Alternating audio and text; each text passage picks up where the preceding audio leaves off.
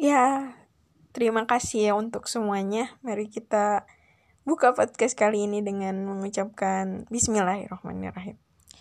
Pertama, kita bakal membahas tentang kuliah online. Gimana sih rasanya kuliah online?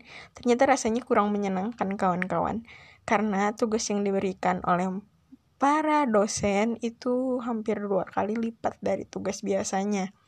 Yang biasanya tugas misal satu minggu dua, sekarang bisa sampai satu minggu itu ada empat. Atau semua kuliah atau semua mata kuliah pakai tugas